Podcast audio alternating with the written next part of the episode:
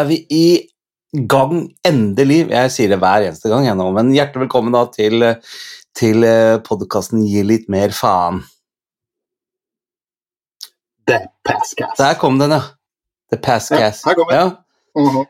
ja eh, nå er det påsketider, eh, Geir, så du har vel påska deg Har du fått opp marsipanen? Jeg har ennå ikke gått løs på marsipanen, eh, men det er, dette er jo selvfølgelig en av de høytidene jeg setter aller mest eh, pris på. En ting er jo den kulturelle betydningen av det, men en annen ting er at dette er også en høytid som involverer marsipan. Ja. Vet du.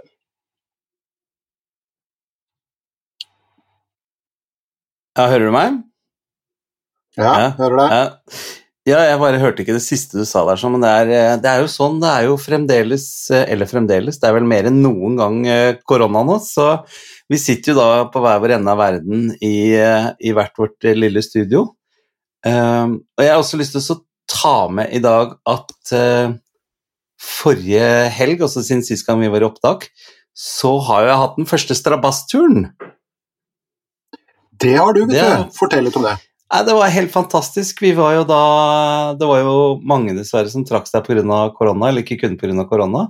Men det endte jo opp med at vi var eh, tre gutter som eh, var med opp i skauen eh, og gjorde alle de tingene som hadde planlagt på forhånd. Og det var helt fantastisk. Det var iskaldt, det var veldig varmt, det var kutting med kniv, eh, det var fantastisk mat, eh, tidenes stjernehimmel og ekstremt strabasiøst. Eh, Ja, for jeg hørte litt om at det var noe stiv kuling ute og gikk på natta ja. her. Og det, så jeg lærte ekstremt mye, som eh, Sånn at du skal vente litt med f.eks. Eh, å bestemme deg for hvilken retning gapahuken skal være. Fordi når vi kom opp, så var det vindretning 1, og da la vi gapahuken med ryggen mot vinden. Men den snudde, gitt, før vi var ferdig. Så vi lå hele natten og hadde stiv kuling inn i gapahuken. Så det har jeg lært at eh, at eh, man skal avvente det litt og kanskje se enda nøyere på værmeldingen. Så det ble litt kaldt, eh, men fantastisk eh, Ja, en helt fantastisk tur. Masse fin prat rundt bålet.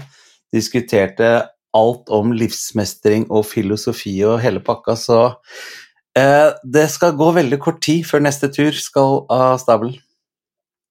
Har du noen tanker om når det blir, da? Ja, det tipper jeg blir før sommerferien. Du verden. Mai, mai-ish.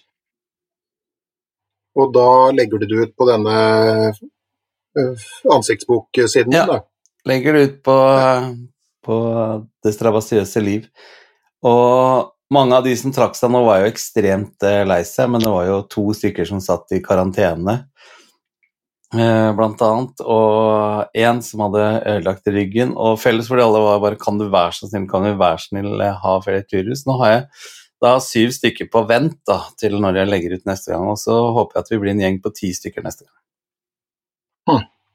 Det er jo litt interessant at folk i en såpass strabasiøs tid som det her, fremdeles søker etter det mer strabasiøse, så det er jo litt gøy, da. Ja, det var noe av det de gutta kommenterte når vi satt og diskuterte også, for vi var jo ekstremt eh, Nå skal det sies at vi var vel ikke en samling toppatleter som dro på tur, eh, men eh, det å finne nok ved og finne eh, trær til å bygge opp leiren og dette lille kjøkkenet som vi lagde, og latrine og sånt noe, det i snø som rekker deg til over knærne, det var jaggu strabasiøst. Vi jobba vel seks-sju timer, tror jeg, i strekk. Har du fått noen tilbakemelding i etterkant på hva disse deltakerne satte pris på? Ja. Hva var det ved turen som var ålreit, liksom? Det var jo eh, for det første det at det var forbudt med mobiltelefon og klokke. Det syns de var utrolig deilig. Eh, vi hadde jo en vakttelefon med oss, så klart, sånn at i tilfelle rottefelle så var det mulig for folk å få tak i oss, og vi hadde mulighet til å ringe til hjelp, men den var da ikke i bruk. Ehm, og ja, det å tilberede mat så tungvint som vi tilberedte det, gjorde at maten smakte helt sykt godt. Og så hadde vi heller ikke med oss noe annet enn å drikke vann og en saft på en flaske. Men så hadde han ene sneket med seg en eh, ølboks, gitt. Som vi delte på tre. Og jeg drikker jo ikke alkohol, og er i hvert fall ikke glad i øl. Men gud bedre, de 1-2 centiliterne jeg fikk der, det smakte godt, ass. ja, det kan jeg tenke meg. Så nei, det var, det var om jeg må få lov å si det, enda mer positivt enn jeg hadde trodd på forhånd. Så bra. Yes. Jeg håper å få bli med og ta en prat rundt bålet en dag, jeg også. Ja, det er godt. Men du, vanligvis så bruker vi kvarter 20 minutter på å skravle om ting og og godt, men i dag kan vi ikke det, Geir. Nei, som du pleier å si, nok snikksnakk. Ja. Eh, I dag så har vi fått med oss eh, en av eh, de gjestene vi har sikla mest på, for å bruke det uttrykket. Han er veldig, veldig veldig høyt oppe på, på drømmelista vår, og at vi har fått med vedkommende i dag, det er vi litt sånn barnslig begge to på at det er stas. Ja, veldig. Skal du si hvem det er? Du kan få lov å si det, du, så kan du ta ned liksom formelle biten, så kan jeg liksom komme inn og spørre.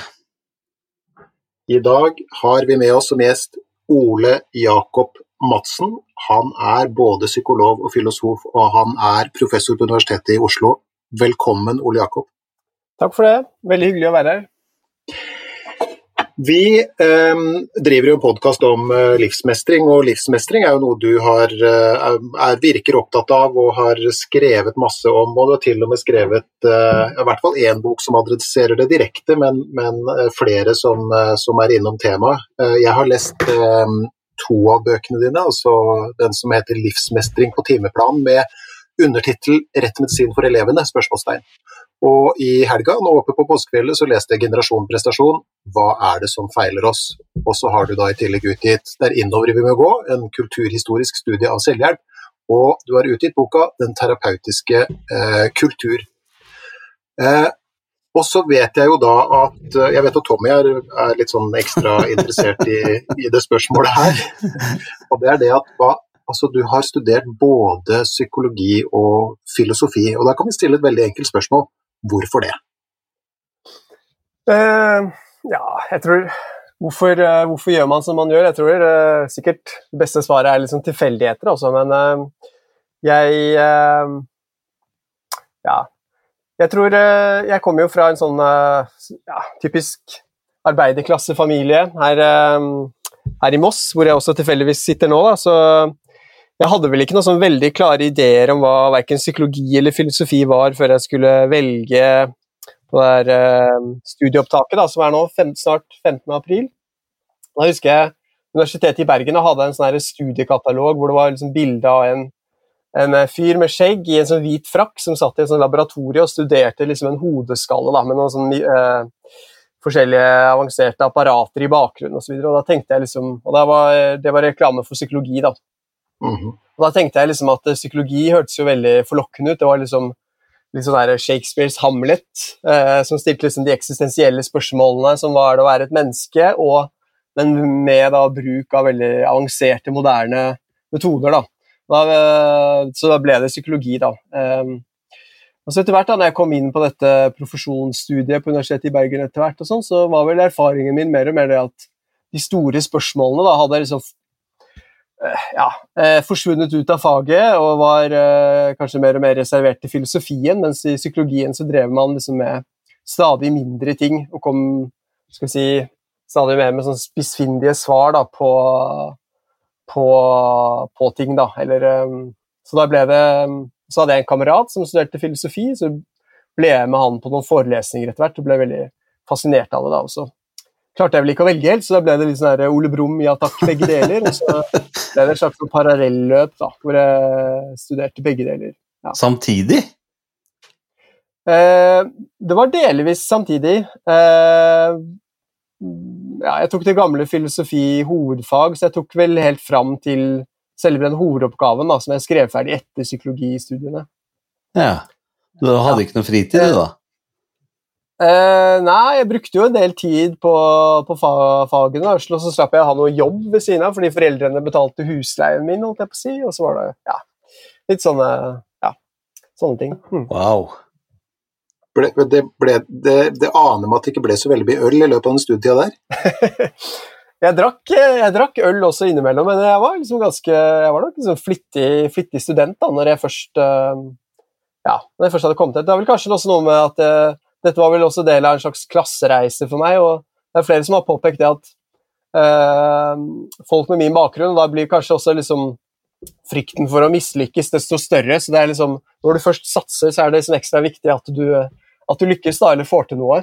Det, mm. Så at jeg hadde vel kanskje en veldig sånn ærgjerrighet, men også ja, vitebegjær og, og, nysgjerrighet. da. Det var akkurat som det var en litt sånn ny verden som åpna seg for meg, som jeg ikke kjente fra, fra egen skolegang da, eller miljøet jeg var i i Moss. Hmm. Ja, for I våre dager så er det jo ja, Dere får se om dere er enige eller uenige, men, men det kan virke som da, at i, i, vårt samfunn, og jeg vet at jeg generaliserer nå, så har vi lett for å stille opp en sånn varselstrekant ved det å være flink. Men jeg tenker at det er ikke bare ulemper ved å være flink heller, er det da? Nei, absolutt ikke. Og um, det er jo lett, uh, sånn som dere har kalt podkasten deres også, ikke sant? Liksom sånn å komme med sånne råd om at folk skal bare gi litt mer faen og slutte å være så flinke, eller uh, ikke være så flink pike, sier man kanskje. ikke sant? Det er liksom høyt presterende, både jenter og gutter. Mm.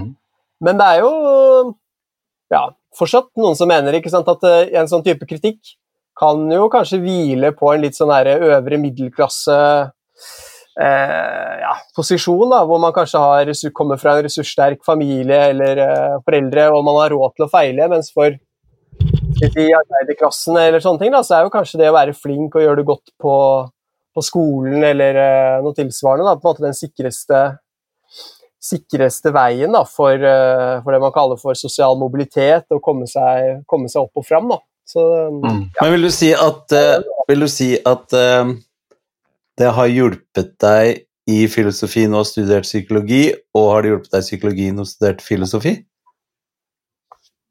Ja, jeg tenker litt det at eh, på, i psykologien, for å generalisere veldig, så har man kanskje det problemet med at man Det er en del ting man tar, tar for gitt, kanskje. Eh, en liksom manglende kanskje interesse etter å stille de eh, de store, store, spørsmålene. Man er kanskje mer opptatt av liksom, hva man kan underkaste en veldig sånn strengt naturvitenskapelig vitenskapelig undersøkelse, da, for å generalisere litt. Mens filosofien på sin side, hvis det blir bare filosofi for filosofiens egen del, så ender den kanskje fort opp med en masse litt sånn tekniske, nesten litt sånn science fiction, tankeeksperimenter og litt sånn herre eh, ja, begrepsjokking, kan vi kalle det. Ikke sant? Hvor det, liksom sånn der, det blir veldig sånn spissfindig på sin egen del, og kanskje veldig fjernt fra skal jeg si, samfunnet, samtiden og livet, livet der ute. da. Ja. Eh, og den mer eh, på en måte akademiske filosofien. Så jeg tenker noen ganger kanskje at filosofien er best når den er om noe, når det ikke bare er filosofien for filosofiens egen del, selv om vi selvfølgelig også kanskje trenger den i en sånn akademisk sammenheng. da. Mm. Ok, men da, Geir, Før du begynner å stille sånne riktige eh, spørsmål som, som, som, kan mye mer om dette, så har jeg, har jeg lyst til å spørre deg, eh, Ole Jakob eh, Hvilke filosofier Jeg vet ikke om jeg sier det riktig nå, men hvilke filosofier er det du eh, Ja, for jeg har jo fått veldig sansen for stoisismen. Eh, ja. Så jeg tenker sånn er det noen liksom gren innen filosofien som, som tiltaler deg mer enn noe annet? Uh, ja, det er jo det, men kanskje jeg kan svare liksom litt ut fra hva som tiltrakk meg i utgangspunktet. Og ja. Da husker jeg veldig godt at det var det man kaller for eksistensialismen. Da, ikke sant? En sånn retning av ja, Kanskje trekker det kanskje tilbake til Søren Kirkegård og Martin Heidegger og Jean-Paul Sartre og sånne ting, hvor man liksom er opptatt av eh, meningen med, med, livet, nær sagt. Da. Ja. Og at eh, eh, det er et sånn kjent uttrykk fra Sartre om at eh, eksistens eh, forutgår for essens, sånn at livet i seg selv på en måte er ikke fylt med noe mening. Det er opp til deg selv å, å skape, eller, skape denne meningen. Da. Mm. Eh, så som litt sånn ung søkende, ung søkende mann, så var jeg nok veldig opptatt av sånne typer spørsmål. Jeg husker jeg leste også en sånn kjent bok som heter 'Myten om Sysifos' av Albert Camus, hvor han liksom har det bildet om, eh, om Sysifos da, fra gresk mytologi som blir dømt til å rulle denne kjempesteinen opp en sånn fjelltopp, bare for å se at den ruller ned på den andre siden, og så må han gjøre det om igjen og om igjen da, som et sånn bilde på livets uh, meningsløshet. Da. Mm. Uh, Men uh, hvor Camus har en veldig sånn flott avslutning, hvor han skriver et eller annet om at vi må se for oss at Camus var lykkelig i sin streben. Da, ikke sant? At det er dette, ja, dette livet, de livet er, da. Og det gjelder å elske sin skjebne osv. Ja, så, så, så Sisyfos er antagelig lykkelig i alt sitt strev? Han kan i hvert fall være, være det, da. Eh, de fleste mennesker er nok kanskje ikke det, da, men ja. Det er, det er på en måte oppnåelig på sett og vis, da. Mm. Samtidig så har vi jo en, en kall det en moderne filosof i, i, en psykologisk eh, forkledning. Eh, så også at du refererte eh, i hvert fall kortfattet til han i din eh, bok 'Generasjon prestasjon'. Eh, den canadiske psykologiprofessoren Jordan Peterson som snakker om at strev også gir mening i hverdagen. Ja. Eh, og Det er også noe av det som, som, jeg i hvert fall tenkte å spørre deg litt, litt om i dag. Mm. det er lett å tenke og Det har vært gøy å høre tankene dine om det, eh, men det er lett å tenke at psykologi er egentlig liksom en slags sånn overlapp mellom filosofi og religion, bare ikledd litt sånn moderne klær og litt, misforstå meg rett, moderne språkdrakt. Hva, hva, hva, tenker du når jeg sier det? Um, ja, i mitt hode så høres det ut som ganske riktig ut, og som en interessant uh, interessant antakelse at det er det også. Men uh, et sånt utsagn ville nok kanskje provosert mange av mine kollegaer da, på Psykologisk institutt på Universitetet i Oslo. fordi de, vil nok, de fleste vil nok også insistere på at psykologi er en vitenskap. Da, ikke sant? Eh, og eh, med sine ulike skoleretninger og forskjellige vitenskapelige metoder og sin ja, historie osv. Og så vil noen også si sant, at psykologi er en, er en profesjon eh, som vi kanskje først og fremst da forbinder med individuell samtaleterapi, da, eller psykoterapi, eller klinisk psykologi, som man kanskje kaller det.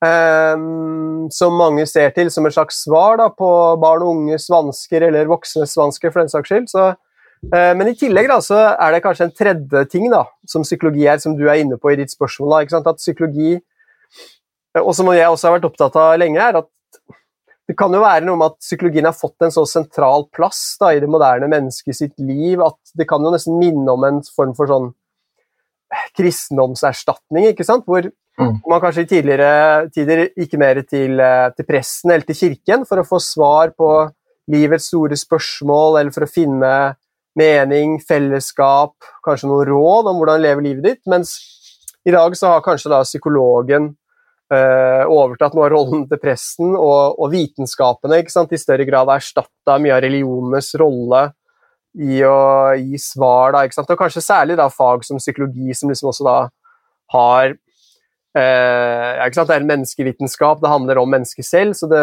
det vil jo naturligvis generere kanskje en mye mer sånn, interesse da, hos folk enn en fysikk gjør i utgangspunktet, som kanskje føles liksom mer fremmed fra livet selv og de spørsmålene vi alle strever med. da. Mm, mm. Men har ikke jeg lest et sted, eh, mener Olakopp, at du også sa at eh, psykologien nærmest er en sekulær religion? Hva, hva mener jo. du med det? Nei, det betyr jo bare altså, sant, at liksom, kanskje på samme måte som um, vi kan snakke om de store verdensreligionene, da, så kan man jo kanskje snakke om psykologi nesten litt sånn på, på linje med det. Okay. Som uh, noe som har kanskje ja, det kommer jo først fra Europa, og så var det liksom en signingsfeil på begynnelsen av 1900-tallet over til USA, og så siden da har det jeg kaller da for en terapeutisk kultur, som betyr egentlig da bare en, form for kanskje psykologisering av samfunnet, spredd om seg da, fra USA igjen, fra 1950- og 60-tallet til, til hele, verden etter hvert. Så at man også snakker da mer om en type global terapeutisk kultur. Da. Og det finnes også sosiologer som har studert dette, som da beskriver da liksom terapispråket og terapitankesettet som eh, den tredje fremste eksportartikkelen sånn kulturelt sett fra USA etter eh, markedsliberalismen og Hollywood-filmen. Så er det på en måte terapispråket, da. Ja. Hver mann sin terapeut, på et vis? Ja, på sett og vis, og kanskje også at vi, eh, vi, er alle blitt amerikanere nå, i den forstand at vi alle tror på sånne ideer om å utvikle oss selv, eh, at på en måte du selv kan bestemme mye av din egen skjebne, eh, at kanskje også at man er Dette med følelser og snakke om seg selv eh, ut ifra ja, følelser og på en måte tilkjennegi sitt indre, da, er blitt også mer vanlig i, uh, i, Europa. Det er ikke så mye den der stiff upper lip, britiske holdningen lenger, ikke sant, som på en måte biter det i seg. Nå skal du mer liksom uh, ja, få det ut, eller uh, gå i terapi for det. da. Mm. Mm. Så det er vel, det er vel en sånn idé om en viss globalisering, kanskje ensretting også, av hva det vil si å være menneske, som ligger, ligger i denne tankegangen. Da. Mm. Men du, du, er, altså i og med at du, du, har denne, kan du nesten kalle det litt sånn overlappende spesialiteten på et vis, altså, og, og, og, igjen da for å snakke om psykologi versus um, religion, da, om vi kan kalle det det, og, og du um, i hvert fall sånn som jeg hører det, mer enn hinter til uh, psykologien som litt sånn uh, neoreligiøs retning, på en måte. Ja. Men for jeg tenker litt på, Vi har jo snakka om tidligere også, Tommy, på, i denne podkasten om uh, Nietzsche, denne tyske filosofen som snakka om, uh, om, at Gud er død. Mm. Uh, og hvordan han da ikke sa det på noen sånn triumferende ateistisk måte, men at han sa det med beklagelse. Og at han også nærmest um, hva skal vi kalle det da, spådde, da, for å, i mangel på et bedre uttrykk, spådde at eh, det ville rykke inn noe annet og fylle tomrommet etter Gud. Mm. Uh, og da er det jo lett å tenke at, uh, at psykologien er en av de tingene som har nettopp rykka inn, sammen med ismene, kan man kanskje tenke da. Men Ole Jakob, du som da åpenbart har en oversikt over begge disse feltene, er det noe religion, som, og religion er ganske så umoderne i våre dager, men, men, likevel Tenker du at det er noe religionen kan tilby oss som f.eks. at psykologien ikke kan? Eh, ja, jeg tror jo det, selv om og da er det jo kanskje lett å høres veldig sånn som at jeg ønsker Gud tilbake, eller at vi alle må begynne å gå i kirken igjen. Så det er jo lett å bli på en måte kanskje oppfatta som veldig sånn reaksjonær, eh, hvis man sier det. Men jeg sier nå likevel det, da, men med noen modifikasjoner. fordi hvis man ser da på en måte det, til de, de som skrev eh, om denne gryende terapeutiske kulturen, da, først i USA da, på, i etterkrigstiden, og de skrev om den etter hvert også med en viss bekymring. Da, da handla mm. nettopp bekymringen litt om som berører det spørsmålet du stiller, da, fordi eh,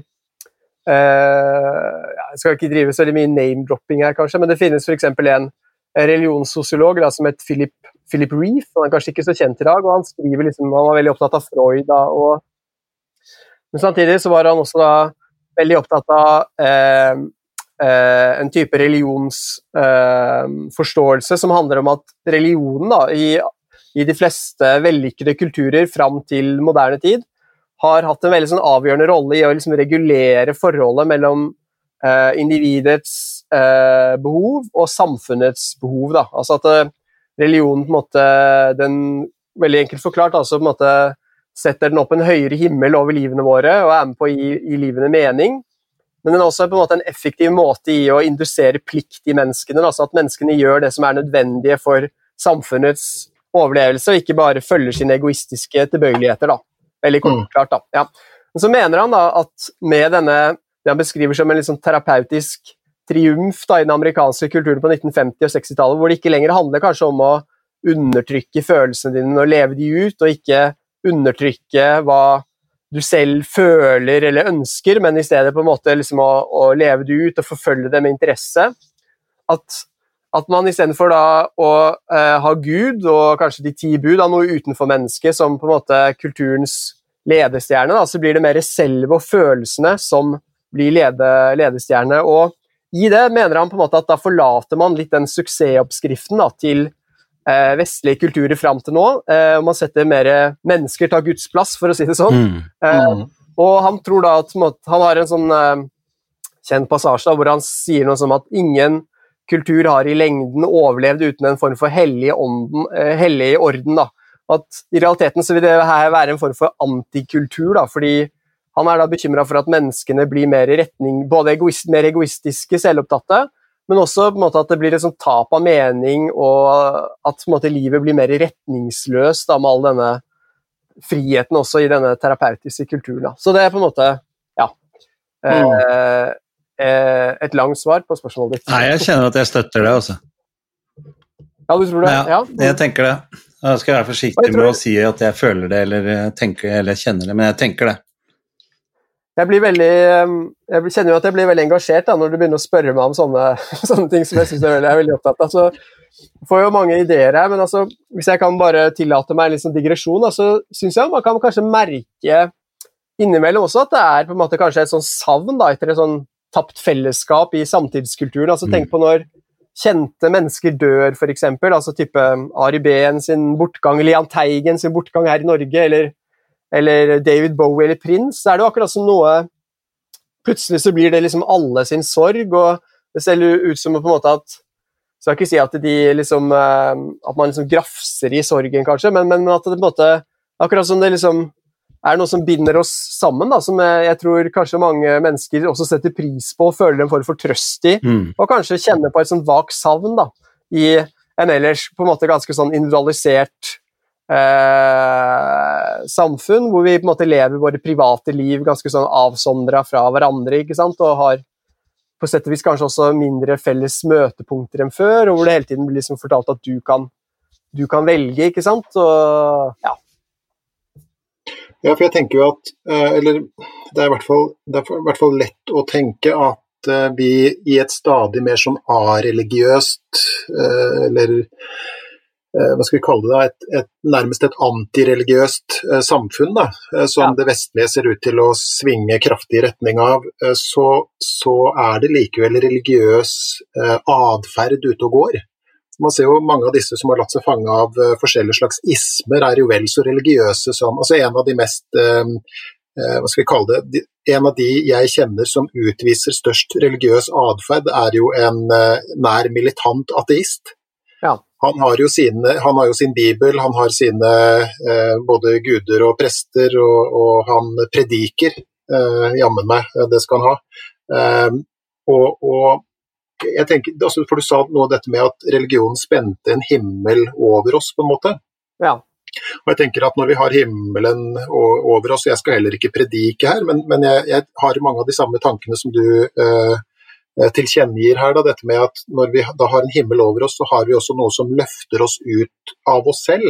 Og det mm. jeg er litt sånn bekymra for, det er hvordan i hvert fall eh, deler av psykologien, kanskje til og med store deler av psykologien, inviterer til et sånt innoverblikk.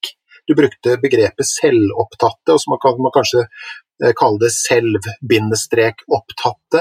Eh, har du noen tanker eh, rundt hva skal vi si, de, de uheldige, eh, eller altså kall det bivirkningene av, av eh, psykologiseringen av særlig det vestlige samfunnet?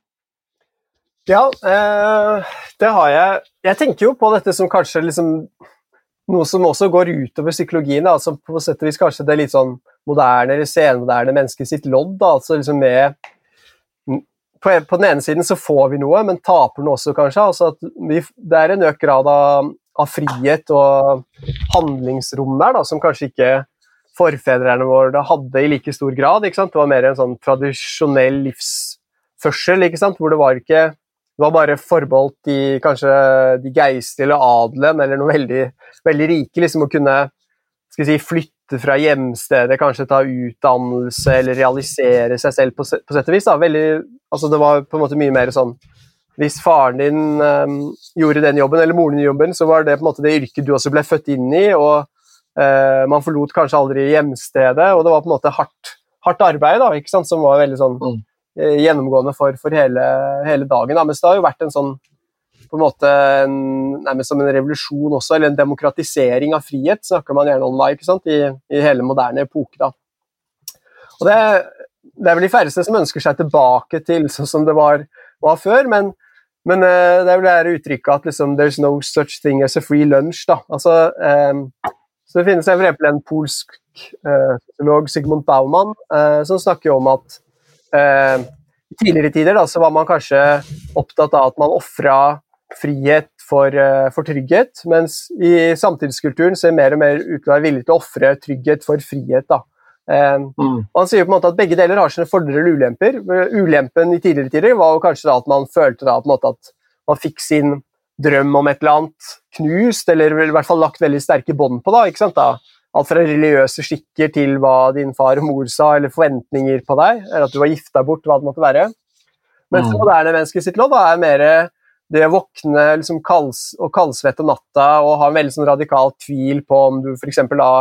lever det mest mulig det beste livet for deg, om du har valgt rett, om du skal ha den ektefellen du har, om du har valgt riktig uh, utdannelse, om du skal ha den jobben du har, om du skal bo i den byen du bor, osv. Så, videre. så på en måte en sånn hjemsøkende tvil da, og en sånn nagende følelse av ubestemthet uh, for det livet, livet man, man lever, da. Så ja.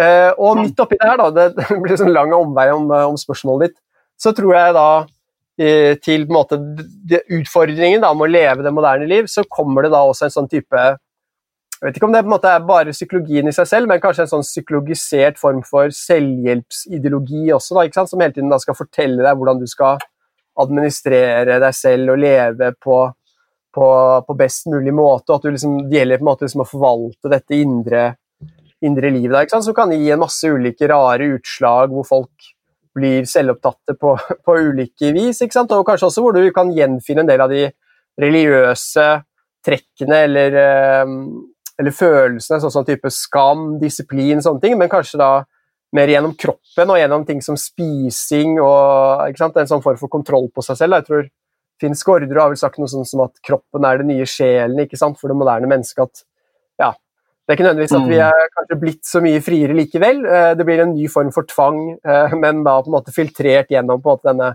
sekulære, individualiserte, eh, psykologiserte kulturen. da. Mm, mm. Ja, for jeg tenker jo i, altså Frihet i for stor grad kan jo også gjøre at man plutselig befinner seg i et litt sånn grenseløst univers hvor man, hvor man snubler rundt uten å, å treffe noen, noen, noen, hva skal vi kalle det, holdepunkter eller, eller grenser. At det i seg selv kan være fortvilende, tenker jeg. Ja, eh, det tror jeg. ikke sant? Og flere og flere også snakker jo om på en måte livet da, rundt sånn her, ja, årtusenskiftet og begynnelsen av de første årene som en sånn tretthetssamfunn. er jo liksom en sånn samtidsdiagnose som er blitt brukt. da, ikke sant? At det er et veldig sånn trettende arbeid å hele tiden skulle drive en form for sånn selvrealisering og hele tiden ha sånne prosjekter da, ikke sant? for kanskje da Dette gjelder jo selvfølgelig ikke alle, da. det er jo lett å bli sånn fartsblind her og tenke at dette gjelder hele verden. Altså. Ja, dette er på gruppenivå. Vi lever jo fortsatt ganske tradisjonelle liv, strabasiøse liv, da, men, men folk som kanskje Som du og jeg, da, eh, og Tommy, eh, som måtte også i større grad har sånn type jobber hvor man kan eh, Ja, hvor, hvor man helst også vil at, måte, at jobben er ikke bare for at man skal tjene til til, til å ha noe på brødskiva, for å si det sånn, eller betale husleien sin. Det skal gjerne være noe interessant, og gjerne også noe som da på en måte eh, Hvor du føler at du får brukt evnene dine. ikke sant? Men du gutter, jeg kan bruke meg sjøl, faktisk. Jeg sitter og hører på dere si. Jeg kan faktisk bruke Geir, meg, meg her sånn som et eh, godt eksempel, tror jeg, på, hvis jeg har forstått det riktig. Altså, jeg har jo eh, levd som eh, Levd ut drømmen, som, som alle sier det, i 27 år, eh, Ole Jakob, som, som komiker og TV-programleder og artist, og fått lov å oppleve og gjøre ting som, som jeg vet ekstremt mange drømmer om. Eh, og vært eh, veldig privilegert eh, i så henseende. Og så kom jo denne koronaen, og så har jo ikke jeg muligheten til å gjøre det sånn som vi gjorde det før. Og jeg har da sett meg om etter andre ting å gjøre for å overleve. Og i, siden august så har jeg da jobba innenfor barnevernet. Eh, betydelig eh, dårligere betalt. Jeg må jobbe mye, mye hardere enn eh, jeg har gjort før for å, å, kunne tjene penger til å betale regninger. Men jeg må innrømme at jeg tror faktisk jeg er i ferd med å faktisk sette det høyere nå enn å komme tilbake og leve et, et vanlig showbiz-liv. Det er en forutsigbarhet som jeg ikke har hatt på 27 år. Det er eh, kollegialt, det er Nei, jeg vet ikke om dere skjønner hva jeg mener, men det er et eller annet med eh, nytten jeg føler at eh, jeg kanskje bidrar med å jobbe innen barnevernet. Eh, så jeg har på en måte tatt en vending tilbake igjen til eh, det litt mer eh, tradisjonelle, vanlig å gå på jobb til akkurat samme tider hele tiden, og stortrives med det. Mm. Ja, ja det vil jo, vil jo antagelig være være hva skal vi si, personlige preferanser uh, ut og går. Overhodet ikke. Dette, med... dette, er, dette, er, ikke gruppenivå engang. Dette, er, dette gjelder alle. Men, ja, men hør nå. Hør nå. Uh, du har jo levd et veldig sånn uh, fritt liv, la oss kalle det sånn frilanserliv, mm. og, og, har jo gjort det godt, godt der. Og så har du nå blitt tvunget til å forholde deg til et mer sånn forutsigbart, onde tunger vil kanskje kalle det, A4 tilværelse. Og der er det jo noen individuelle preferanser ute og går. Men samtidig så tenker jeg jo at vi mennesker, vi har jo også eh, behov for nettopp forutsigbarhet, rammer osv. Hvis ikke så har vi jo en lei tendens til å bli for, fortvilte, da. Mm. I, I, vår søken etter hvor disse rammene og grensene og denne fastheten, denne faste grunnen er hen. De fleste som kommer på mitt kontor er jo i i situasjoner hvor, hvor uh, altså Jeg har sagt tidligere at jeg jobber jo ikke med noen psykiske sykdommer eller psykiske lidelser. Jeg jobber med bivirkninger av livet, altså livssymptomer, kan du kanskje kalle det, hvor grunnen har blitt rykka uh, bort under føttene på de uh, jeg snakker med, og de kommer i en fortvilelse til en slags sånn um, sjaman, har jeg av og til tanker om, og spør hva kan jeg gjøre for å få litt litt fotfeste igjen, finne noe orden i, i kaos osv. Tenker du, Ole Jakob, at vi er eh, trygghetssøkende og rammesøkende, eller, eller, tror du at vi som kalles art, da, trives best med å, å, å ha denne voldsomme friheten og, og uforutsigbarheten?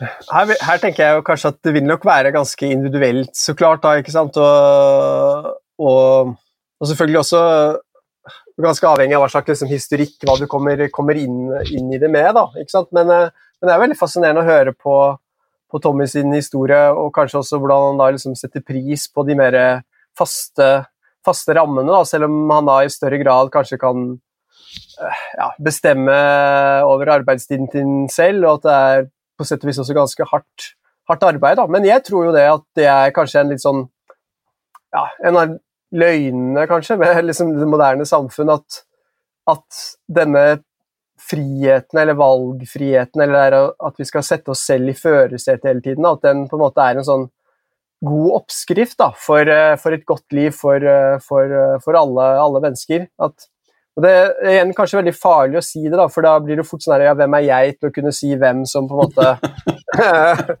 fortjener det, eller, eller, forvalter det riktig, hvem ikke gjør det. det så det, jo, det, blir jo fort noe kanskje litt sånn usympatisk også ved å skulle, skulle si noe sånt, da. Men jeg tror på en måte at det er sånn tabu i vår tid, at mange av oss lider under måte denne forvaltningen av, av denne friheten ikke, og forventningen både fra seg selv men også fra omgivelsene for at man skal lykkes med et eller annet ikke sant? Og, og bli vellykka på en eller annen type eh, ja, eh, arena. ikke sant? At det, det, også er en sånn kulturell oppskrift for, uh, for depresjon, da, eller, uh, mm. eller, en følelse av mislykkethet hos veldig, veldig mange. Og jeg kan liksom skyte inn en akademisk referanse her igjen. Så finnes det en sånn fransk sosiolog også som har skrevet en bok som heter noe sånn 'Selvets tretthet', da, hvor han har en sånn veldig sånn fiffig definisjon da, på depresjon. Hvor Han sier på en måte at det handler om vissheten om at alt er mulig, men at jeg ikke får det til. Uh, så han på en måte mener at det, ja, depresjon også må ses som en sånn type baksiden av medaljen da, for på en måte dette selvrealiseringsimperativet, uh, eller uh, ja, ja, jeg kjenner at jeg er enig i det. Mm. Og um, ja. Mm. Eh, og, og, der har vi jo litt sånn moderne hva skal vi kalle det, paralleller. Eh, og Vi skal ikke inn på det temaet i dag, for det har vi ikke tid til. Men du sier jo at du kan komme tilbake, og det er jo evig takknemlig for. fordi jeg har veldig lyst til å bruke en del tid på dette med livsmestring i skolen. Eh, men bare for å være, komme innom hva skal vi kalle det, området litt, så, så, har det jo vært en periode i vår kultur, heldigvis så sånn ut til å være ganske kort, eh, kort da. Men, men den handla noe om at Eh, barn eh, fikk høre, og for så vidt også vi voksne, og kanskje er det litt den amerikaniserte versjonen av det, hvor vi fikk høre at vi kunne bli akkurat det vi ville og fikk til akkurat det vi ville. Og så var det jo mange av oss som med en viss grad av skuffelse, jf. det du snakker om, Ole Jakob, som fant ut at vel, det, det, er vel kanskje ikke sånn livet helt, uh, helt er. Mm. Uh, men tilbake til dette med, med psykologi versus religion osv., og, så og, og særlig i Vesten. Da. Jeg, jo, uh, jeg prøvde jo å få tak i uh, boka di 'Den terapeutiske kultur'. Den var antagelig til din store glede utsolgt. Til min sorg så var den det. Uh, men jeg har jo lest tidligere en bok av en kar som heter Frank Furedi, en britisk sosiolog, som heter 'Therapy Culture', og også en bok av en britisk hva er det, Eh, pedagog, um, Catherine Ecclestone, som er, med den litt sånn tabloide tittelen 'The Dangerous Rise of Therapeutic Education'. Så der du jo, blir du jo litt sånn ledet inn i hennes syn på det, for så vidt. Men, men begge bøkene var ganske sånn rystende lesning for, uh, for min del, og um, med, med, forbehold om å bli eh, gitt et narrativ, så, så har jeg blitt en del mer oppmerksom på det vi kan kalle en litt sånn terapikultur som ser ut til å, å, å, bre om seg. Er, du, har skrevet, du har jo skrevet en bok som heter Den terapeutiske kultur, og jeg har jo ikke lest den. Eh, og jeg antar at det er en del diskusjon fram og tilbake der. Men å, hvis du skulle være litt sånn eh, tabloid, da, eh, tenker du at vi har det i, Vesten i dag, og kanskje i Norge i dag også, en, en, terapikultur? Og hvis vi har det, hvor kommer den fra, og hvor kan den i verste fall føre oss, tenker du? Ja, eh, ja jeg, tenker, jeg, tenker, nok vi har det. da. Altså, eh, doktorgradsarbeidet mitt da, på Universitetet i Bergen det handlet, der var liksom prosjektet mitt å bruke noe av den til litteraturen da, som du også viser til. Det, de to bøkene du, du viser, da, de er fra England, eller de skriver fra en sånn britisk kontekst. Men veldig mye av mm. litteraturen er jo også fra USA. ikke sant? Både at de som skriver, sitter i USA, men også at det er studie av amerikanske samfunnsforhold. da. Så doktorgradsprosjektet mitt var da rett og slett å spørre eh, denne samtidsdiagnosen av terapeutisk er den også rimelig da, på det norske samfunnet anno 2010-tallet, da når jeg gjorde denne doktorgraden? Og svaret mitt var vel liksom delvis, delvis ja, da. Og at, at, det er på en måte, som vi var innom litt i stad, et ganske sånn innflytelsesrikt, liksom globalt eh, type ja, eh, rammeverk da, som selv appellerer stadig mer til kvinner og menn, også i, i, eh, rundt om i, eh, i, verden. Altså, det blir en måte å eh, håndtere livet sitt på, og tenke om både livets oppturer og, og, og nedturer på.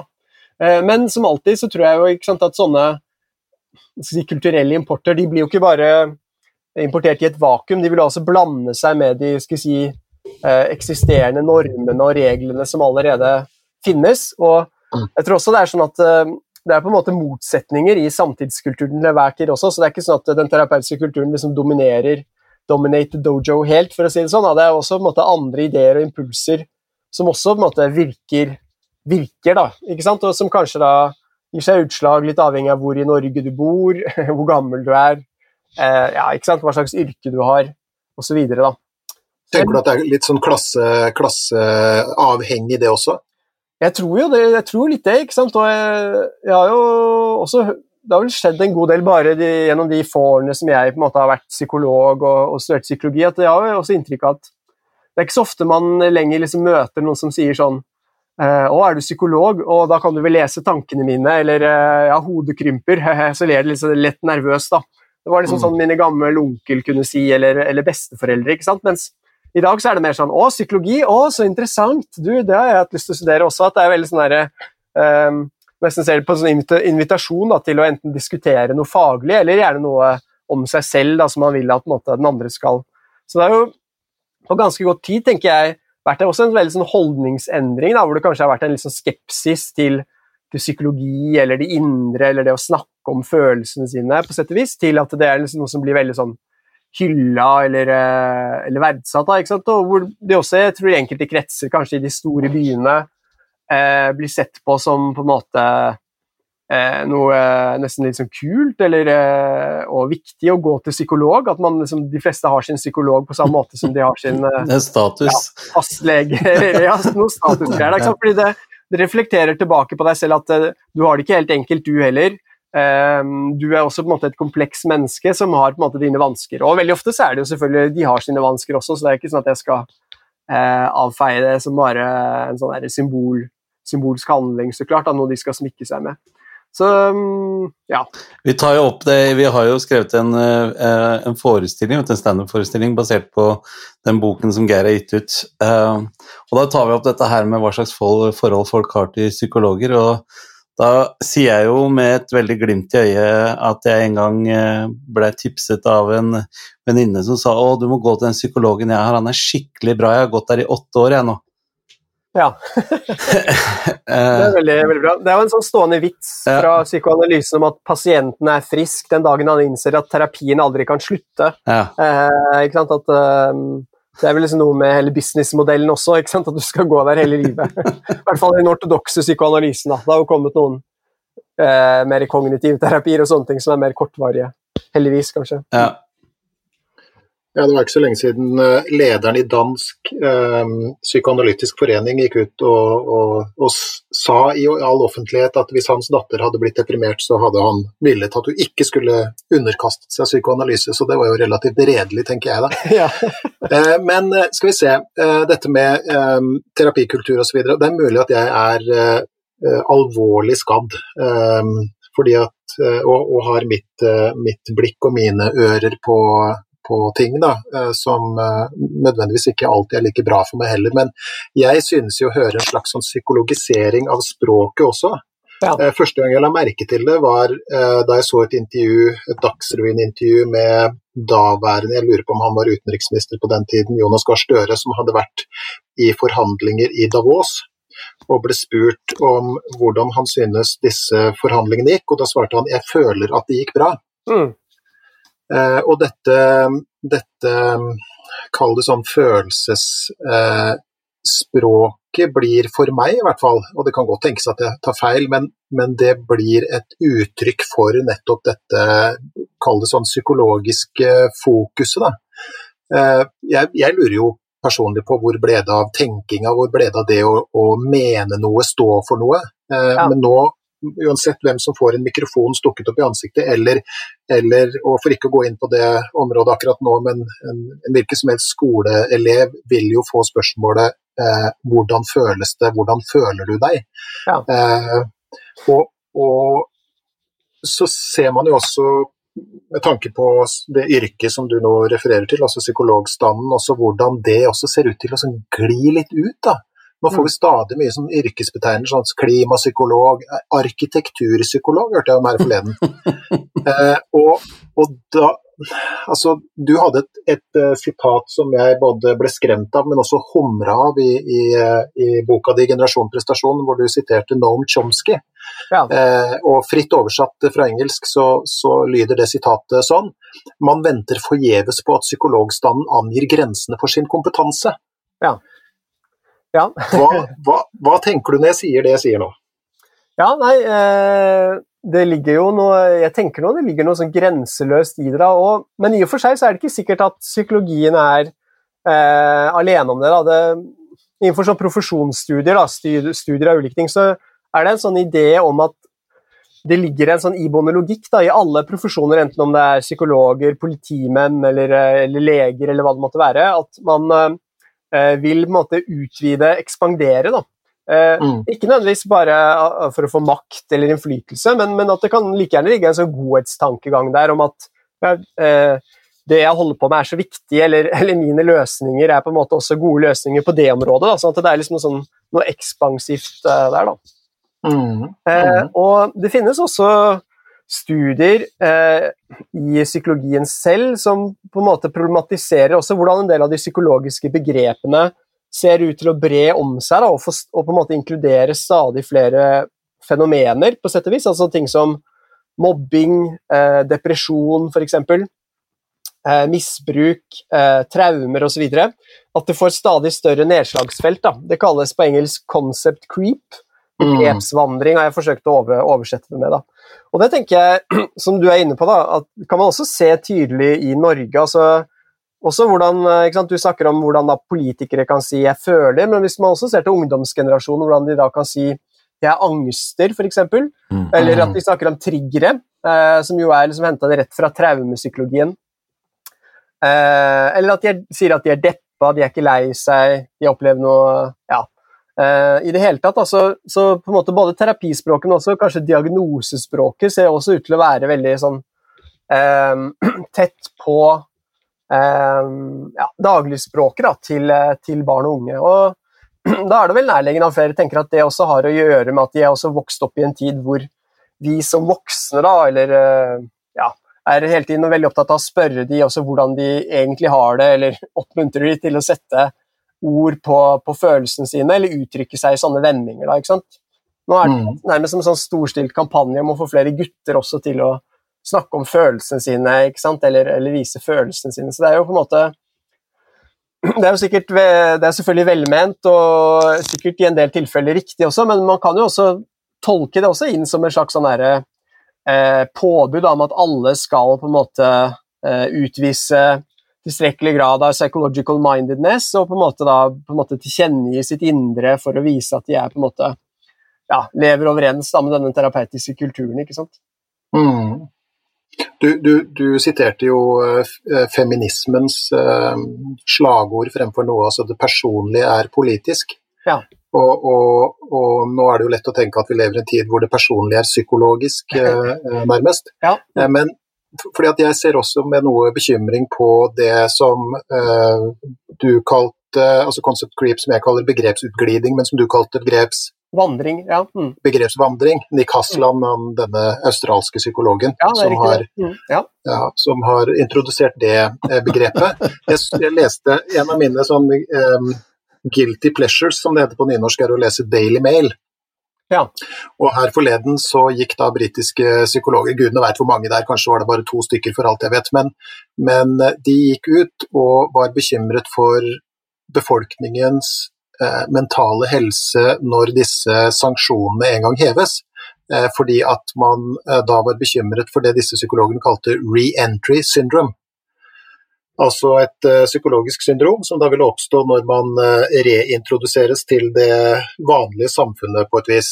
Og det er jo Kanskje er jeg paranoid, hva vet jeg, men, men uh, det ser ut til også å være en Jf. dette med, med, begrepsvandring, da.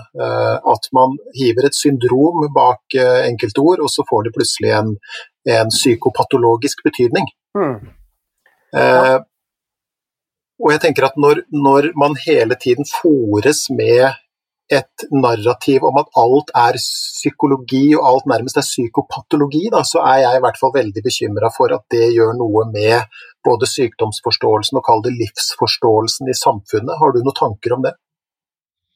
Ja, eh, det har jeg. Og jeg tenker jo at, sant, at hvis altså dette vi snakker om, da, det er jo ikke helt uskyldig. og at Hvis da f.eks. hverdagsspråket da blir mye mer prega av medisinske, psykologiske, diagnostiske termer, da, som syndrom eller, eller, hva det måtte være, så, så tenker jeg at det, det, er nok kanskje også en fare for at man da eh, skal jeg si, også lettere tolker, fortolker på en måte sine indre følelser, kroppslige fornemmelser, vage eh, ja, eh, følelser av mishag inn i på en måte et sånn type diagnostisk språk, da, sånn at det også da kanskje blir blir lettere å, å ja, eh, kjenne seg igjen i det, men også drive en form for sånn selvmonitorering, overvåkning av seg selv, som jeg tenker kanskje ikke er sunn i, eh, i lengden. Da, ikke sant? Og dette er også beskrevet i den medisinske litteraturen tidligere da, som, som, helsens paradoks. altså at i tider da hvor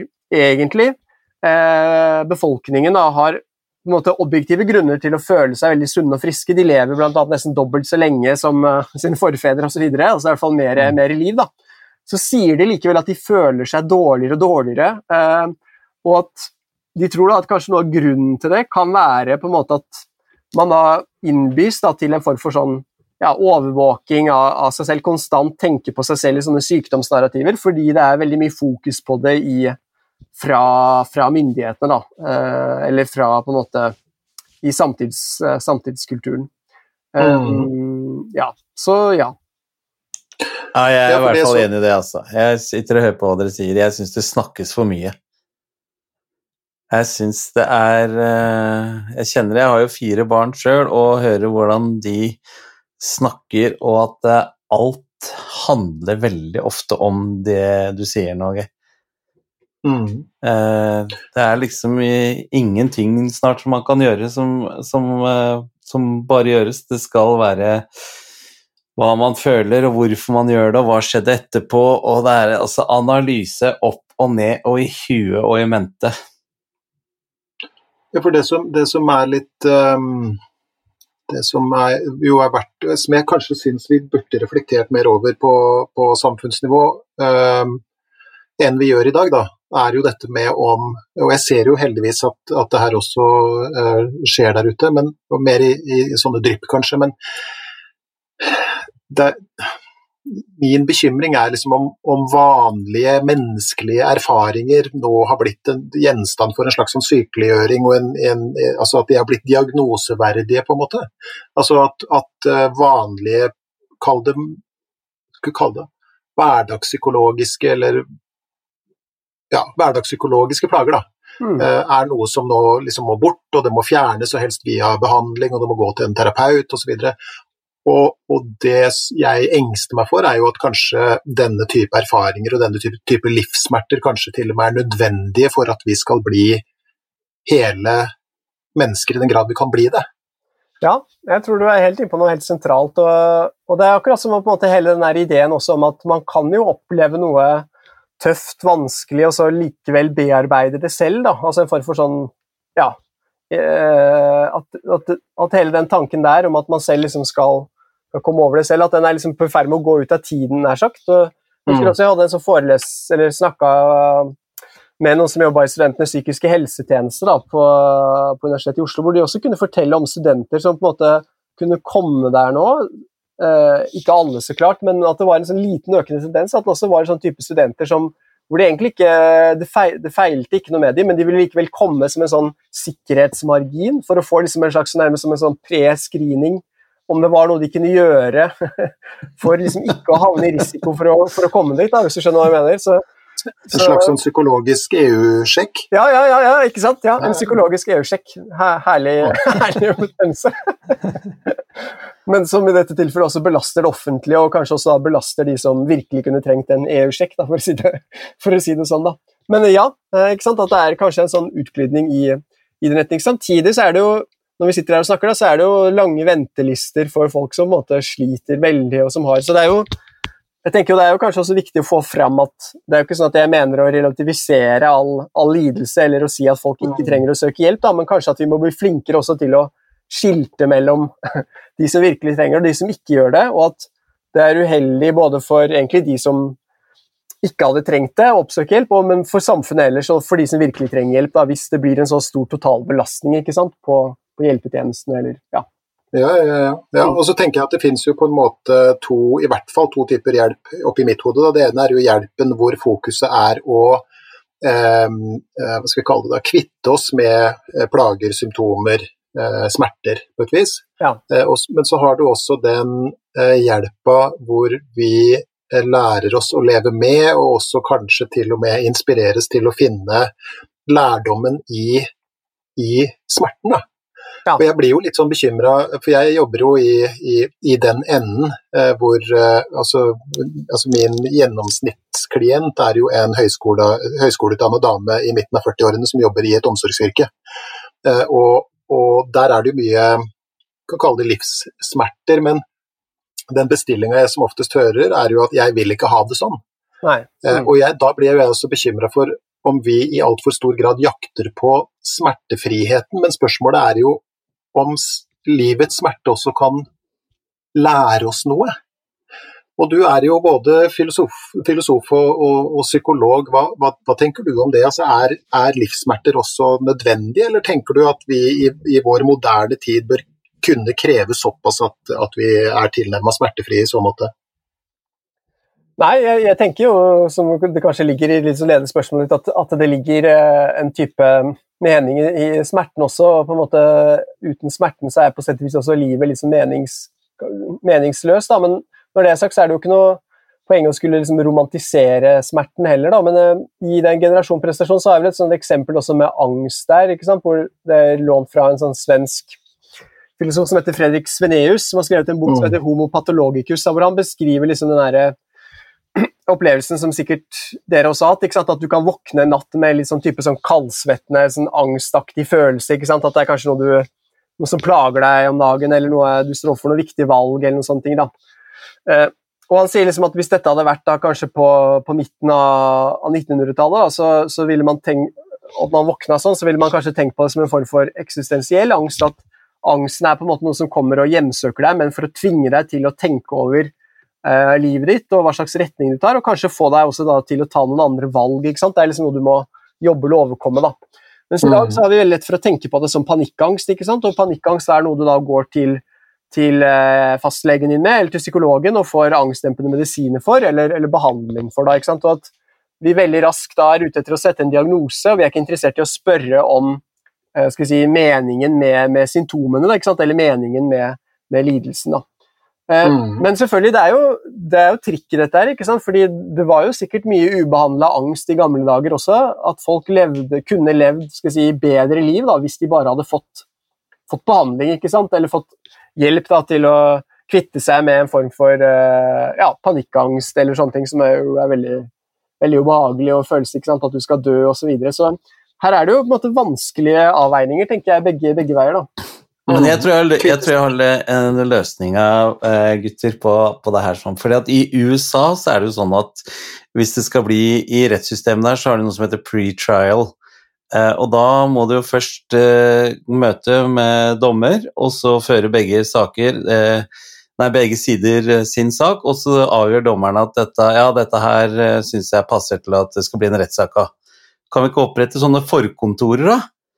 Sånn at, eh, at, vi utdanner noen som eh, kan avgjøre om det du virkelig trenger er hjelp, eller om det bare er livs... Eh, altså at det er en del av livet, så du trenger ikke hjelp. Sånn sorteringsstasjon, ja, ja. jeg vet ikke riktig. I, i våre uh, vår krenkelsestid at, at, det ville falt i veldig god jord. Men det er akkurat det, vet du. ikke sant? Nei, det der er bare du som føler krenking, det er ikke noe du behøver behandling for. Neste. Ja, ja, ja. ja, du må gjerne starte det. Jeg er ikke sikker på at den businessen vil gå superbra, men, men for all del, altså. Ja, jeg syns det var en forretningsidé, altså. Ja, det, er, det, er jo, det, er, jo, kreativt, og det går litt i en annen retning enn Det er jo noen som stadig foreslår fast psykolog, f.eks. Har jo vært oppe som forslag mm. flere ganger. Mm. Også. Mm, så Tommy sitt forslag går jo kanskje i en litt annen, en annen ja, ja, retning. Da. Men, en liten eh, sorteringsstasjon der, altså. Mm, men eh, det er, jo, det er jo på en måte Det er vel ikke en hemmelighet heller at, at det er vel delvis en liksom sorteringsstasjon da, ikke sant? hos en del psykologer, hvor de da på en måte får sånne henvisninger, og så må de velge mellom ulike pasienter å ta inn. og Jeg tror det er en sånn dårlig skjult yrkeshemmelighet da, også blant psykologer at man noen ganger da velger på en måte de pasientene som høres mest interessante ut å jobbe med, f.eks., eller de man gjerne vil ha liksom, ressurssterke klienter som eh, lever spennende liv osv. Så, videre. så det er jo um, ja, en viss sortering forekommer nok i dag også, da. Ja. Mm. Eh, Sånn avslutningsvis, nå ser jeg at vi har eh, gått over timen, og, eh, og, vi får ikke lov til å beholde deg inn i evigheten i dag, Ole Jakob, dessverre. Men, men som jeg har nevnt tidligere også, du har jo sagt ja til å komme tilbake, og det er vi kjempeglade for. og Da skal vi gå inn i dette med ungdom og, og livet og psykisk helse og livsmestring og alle disse tingene, og det gleder jeg meg helt enormt til. Jeg er klar for både episode to og tre, hva det skulle være. Så ja, ja, fantastisk. Fantastisk.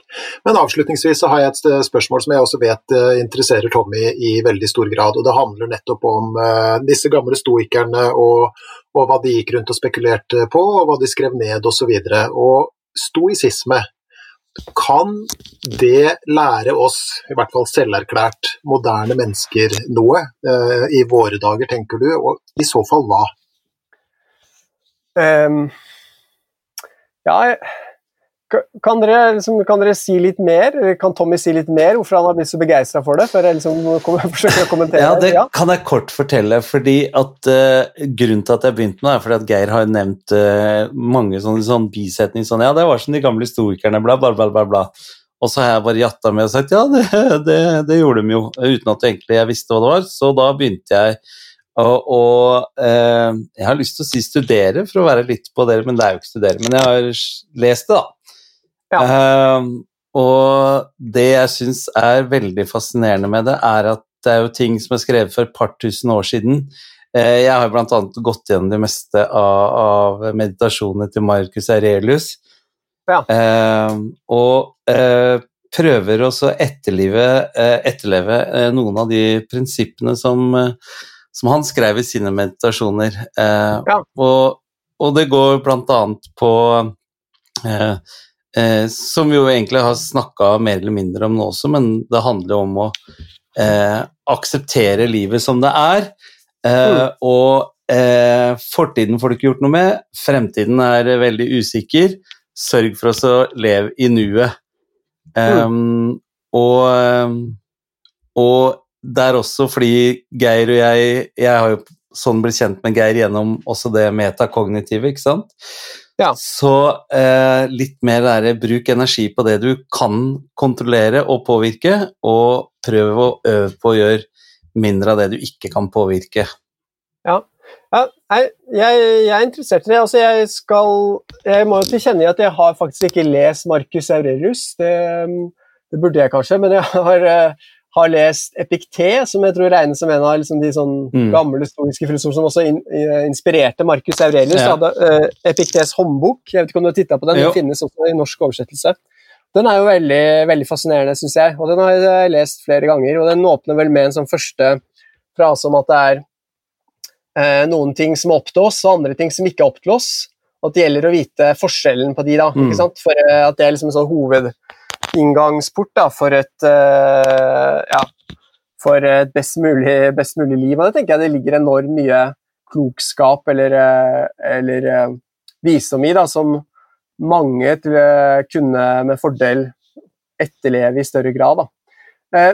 Men når det er sagt, så er jeg jo også litt sånn dette med stoisisme har vel liksom kommet litt på moten de siste årene, har det ikke det? Som en, litt, nesten som en, som en, altså jo, den har jo selvfølgelig sin, sin historie som, ruller, som alltid har vært der, men at det også har blitt en sånn her, eh, popular fad ikke sant? I, eh, i samtidskulturen, med at liksom stoisismen er, er tilbake på moten da, som en sånn overlevelsestype eh, filosofi da, for det moderne, moderne mennesket. Eh, og det ligger jo noe i både stoisismen og i den kognitive psykologien eh, så ligger det jo også kanskje en sånn fare for en viss grad av misbruk. Da, at eh, Det er jo interessant å tenke at Epikté eksempel, var jo slave, Mm. så mye av tankene hans er jo da eh, utforma i en sånn type ufri eksistens, hvor han på en måte nettopp da måtte lære seg å leve det ufrie livet ikke sant? og maksimere eh, livsbetingelsene sine eller eh, lykken innenfor de rammene. Så det er noe sånn betenkelig da, med på en måte at vi da tar en form for sånn slavefilosofi da, eh, til liksom det moderne mennesket som da liksom blir sagt å skulle ha så mye, mye frihet. Da. Og da syns jeg man kan stille spørsmål ved om, om denne tanken om at vi kan gjøre endringer i den ytre verden, om det også ligger en fare der da, for, at, for at både stoisisme og den kognitive psykologiens etos eller, eh, eller tankesett da, også kan gjøre at man tilpasser seg ytre betingelser som man ikke burde, hvis dere skjønner hva jeg mener. At man faktisk da kunne i større grad burde gjøre opprør da òg. Dette er jo en fin opptakt også til dette spørsmålet om livsmestring i skolen, f.eks. Hvor nettopp spørsmålet kanskje er da ikke sant, at ja, det høres jo vel og bra ut, men hva hvis det f.eks. er skolen som stresser mange? Hadde det ikke vært bedre gjort endringer i skolehverdagen eller skolesystemet med all denne valgfriheten som mange er bekymra for, eh, fremfor å si at elevene må bare lære seg å mestre det, f.eks. Ja. Mm. Mm. Jeg syns jo jeg hører eh, jeg, jeg, jeg, jeg stiller meg bak din observasjon også, at det er, det er en, en slags sånn eh, moderne revitalisering av eh, stoisismen, men ofte med det målet at man eh, krampaktig skal eh, liksom godta livet nettopp for å få smerten knytta til det til å forsvinne. Mm. Eh, og, og så har vi jo den, den moderne, eller jeg vet ikke moderne, men i hvert fall den norske stoikeren jo er jo ofte nordlendingen, ja. som står han av og ja ja, Mm. den ene armen falt av, men jeg har jo to, ikke sant, så det går bra. Eh, og, men det er jo der Fugelli eh, slo så innmari til med dette sitatet, eh, hvor han sa at en god resept på et godt liv er å gi litt mer faen. Det er jo, der, det, er jo det sitatet den boka som jeg har skrevet, eh, også hviler på. Mm. Men, men, eh, men fortsettelsen er jo eh, Altså, vi må gi litt mer faen, sier eh, Per Fugelli, men vi, vi, må godta vår smerte, og så må vi forandre på det vi kan forandre. Og, og man kan jo kanskje tillegge også forandre på det vi bør forandre. Mm. Og så mm. må vi, må vi, le av resten på et uh, vis. Og det, det, i hvert fall for meg, da, ja. um, er en, eh, en, god oppsummering av en stoisisme det går an å hva skal vi kalle det, øve på å leve etter i hverdagen, eller noe sånt. Ja, mm. ja absolutt. Men det jeg kanskje opptatt, har vært litt opptatt av, da, også i forhold til dette livsmestring, er jo liksom på en måte hva som er en god livsfilosofi, eller en god terapi, eller en type selvhjelps...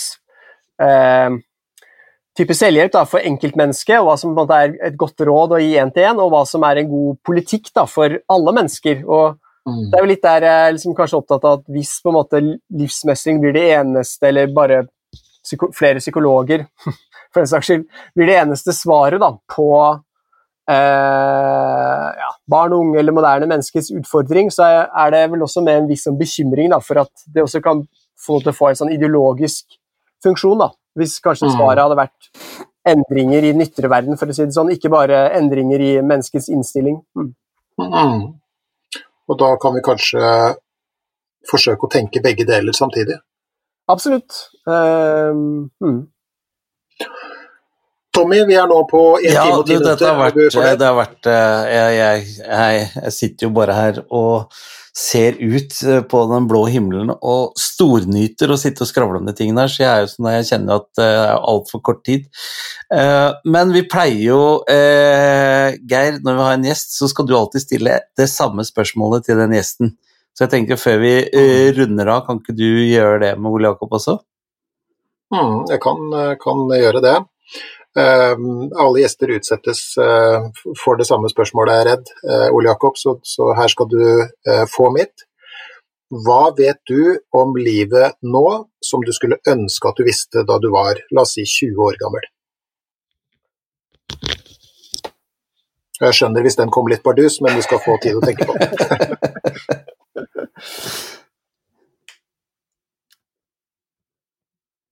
Ja, det, var, det, vil jeg si var liksom dagens vanskeligste spørsmål, egentlig. ja, det ble det. Når ting blir personlig, så er det tøft. Ja. Jeg, eh, dette burde jeg jo liksom ha tenkt på på forhånd, merker jeg. Um... Oh boy.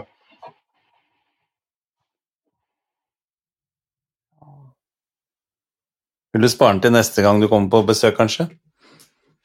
Er det lov? Er det, det er lov. Det er lov å spare den. Eh, noter den ned, og så eh, har vi enda en grunn til å, å få deg tilbake igjen.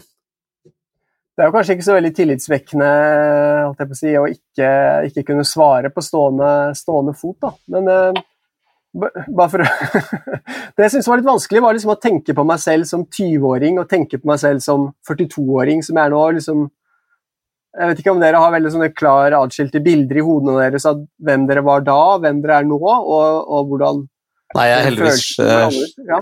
sluppet For meg så er det liksom bare det eneste sånn her stor uh, messy greie. altså, jeg syns det er vanskelig helt å ja, avskille, avskille, det. Men da har jeg, lyst, da har jeg faktisk innmari lyst til, Jakob, at uh, vi skal la den henge.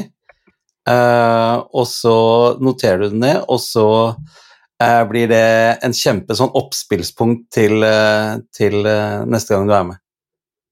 Ok, ja, men det er fint. Ja. Skal vi si det sånn? Det går helt fint, ja.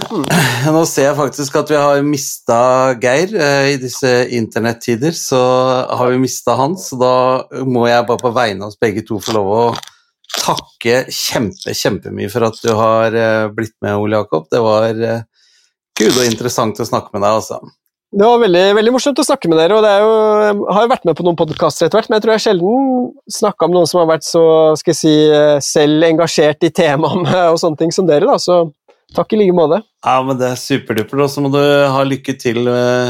Du skal jo ut og trene hardt nå, så da må du ha skal jeg ut legge Ja, nå er det kroppen som skal, skal disiplineres. Man vil jo være sånn renessansemenneske, så nå har vi liksom gjort unna Sinja, nå er det kroppen. Nå er det det legemet som Ja. Nei, men tusen takk. Ha en fantastisk deilig påske. Eh, jeg skal fortsette med å runde av podkasten, og så eh, håper jeg vi ikke drøyer veldig lenge til vi snakkes igjen, Ole Jakob. Det får jeg håpe. God påske, dere også. Ja, ok. Ha det bra. Ha det bra. Ja, som eh, eh, dere skjønte, så har jo et eller annet teknisk inntruffet, sånn at eh, vi mistet Geir helt på tampen, heldigvis, bare, da. Så da er det jo min oppgave å runde av episoden. Eh, og hvis eh, hvis du har lyst til å skrive til oss, så blir vi veldig glad for det. Vi får mye mailer, og det setter vi veldig pris på. Og da er mailadressen gi litt mer f at gmail.no. Eh, altså gi litt mer f i ett ord. Eh, alfakrøll, eller nå ville sikkert Geir sagt noe morsomt som snabel a eller noe sånt, men gi litt mer f i et ord at gmail.no. Tusen takk for at du var med oss i dag. Vi er plutselig tilbake med denne podkasten Gi litt mer faen. Ha en deilig påske.